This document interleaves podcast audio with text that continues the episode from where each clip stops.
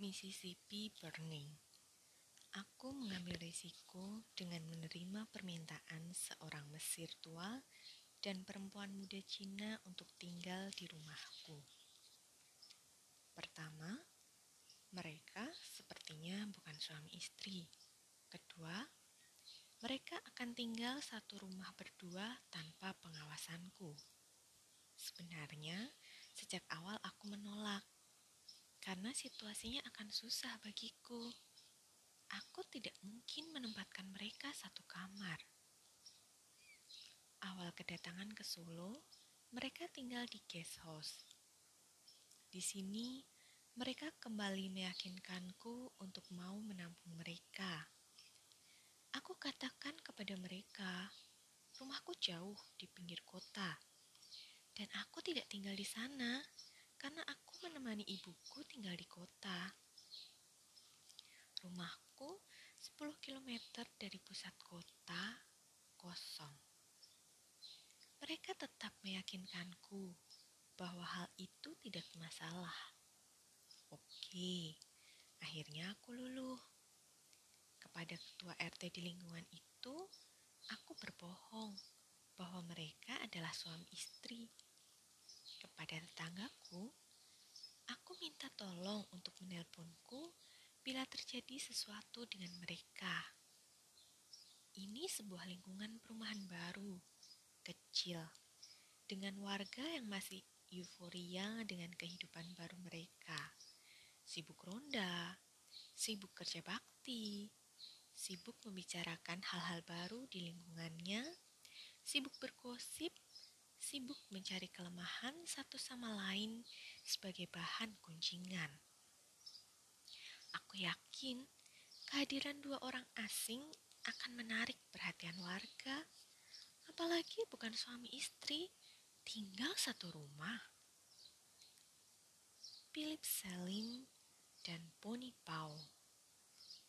Philip sempat bercerita kepadaku ia ingin menetap dalam jangka waktu lama di sebuah negara. Perjalanan ke Indonesia dilakukan untuk melihat kemungkinan itu, memilih di mana hatinya akan berlabuh. Kira-kira negara mana yang bisa ia tinggali dengan nyaman untuk menikmati masa pensiunnya? Philip tua adalah guru bahasa Inggris di China yang berkewarganegaraan Mesir. Philip dalam banyak hal sering tidak menemukan titik temu denganku. Mungkin karena ada perbedaan usia yang cukup banyak. Pony Pau adalah gadis muda, tinggi langsing dengan kuni, dengan kulit kuning dan mata sipit berkacamata. Aku ingin memeriksakan gigiku di Solo.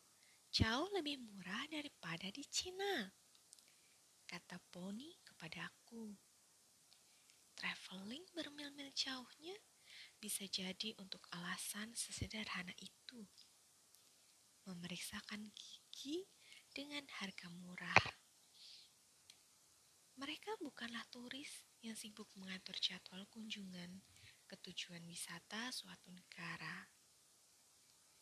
Awalnya, mereka menginap di sebuah guest house di kawasan Nonongan, salah satu kawasan backpacker di Solo. Namun, kemudian mereka pindah ke rumahku. Hari kedua di Solo, mereka sudah berada di rumahku. Semua sepertinya bagus dan tidak ada masalah. Sore itu, kutinggalkan mereka di dalam rumah karena aku harus bekerja hingga dini hari.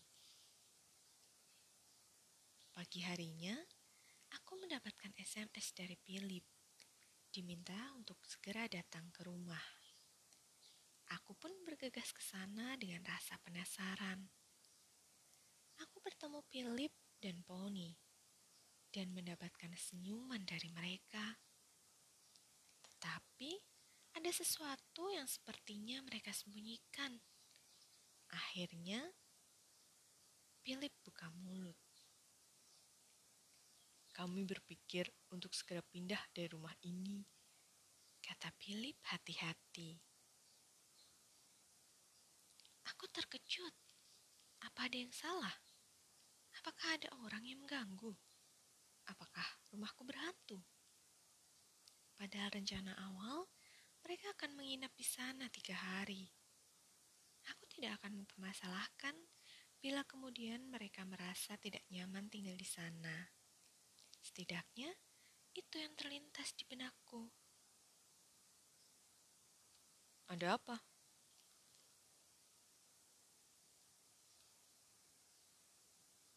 Semalaman kami tidak bisa tidur. Hmm, sepertinya semalam ada yang ingin membakar rumah ini. Kami sudah ketakutan setengah mati. Tetapi kami tidak tahu harus berbuat apa. Kami hanya bisa diam di dalam rumah menunggu hal buruk yang akan terjadi. Kali ini Philip bercerita tanpa senyum. Kupandangi Poni, dia terdiam. Apa maksudmu dengan membakar rumah ini? Siapa yang ingin membakar?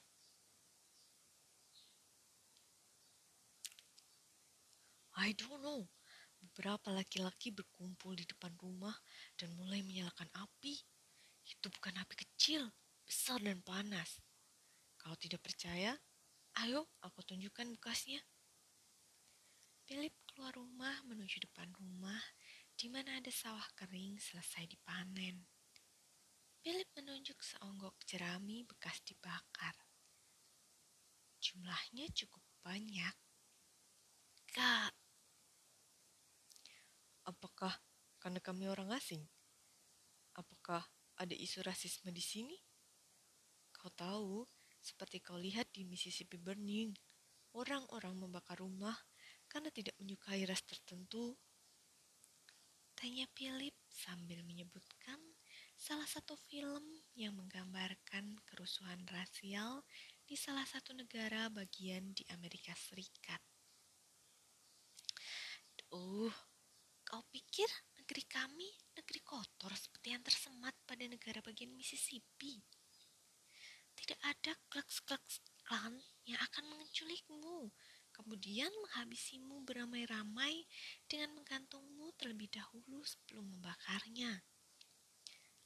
No, Philip, let me tell you something. Tidak ada isu rasisme di lingkungan ini. Tidak ada yang ingin membakar kalian. Mereka hanya membakar jerami bekas panen. Terang melihat tumpukan jerami sisa pembakaran di depan rumah. Kenapa mereka melakukan bergerombol di tengah malam? Dan mereka melakukan di depan rumah orang. Mereka bisa melakukan saat siang hari. Sahut Philip. Mereka sedang melakukan ronda malam. Mereka sekelompok orang yang bertugas menjaga keamanan kampung ini secara bergilir kalian mungkin tidak akan menemukan kegiatan semacam ini di negara kalian. Dan sudah biasa saat malam tiba, cuaca dingin, mereka membuat perapian dari jerami bekas ini. Paham? Aku tidak tahu, tapi kami sudah memutuskan untuk pindah. Maaf. Kata Philip seperti menyerah. Pony lebih banyak diam. Dalam traveling keduanya, Pony memang selalu menyerahkan segala keputusan kepada Philip. Upayaku untuk menenteramkan perasaan keduanya tidak berhasil. Mereka tetap ingin pindah. Untungnya mereka segera mendapatkan kontrakan rumah yang bagus, sehingga aku tidak terlalu terbebani.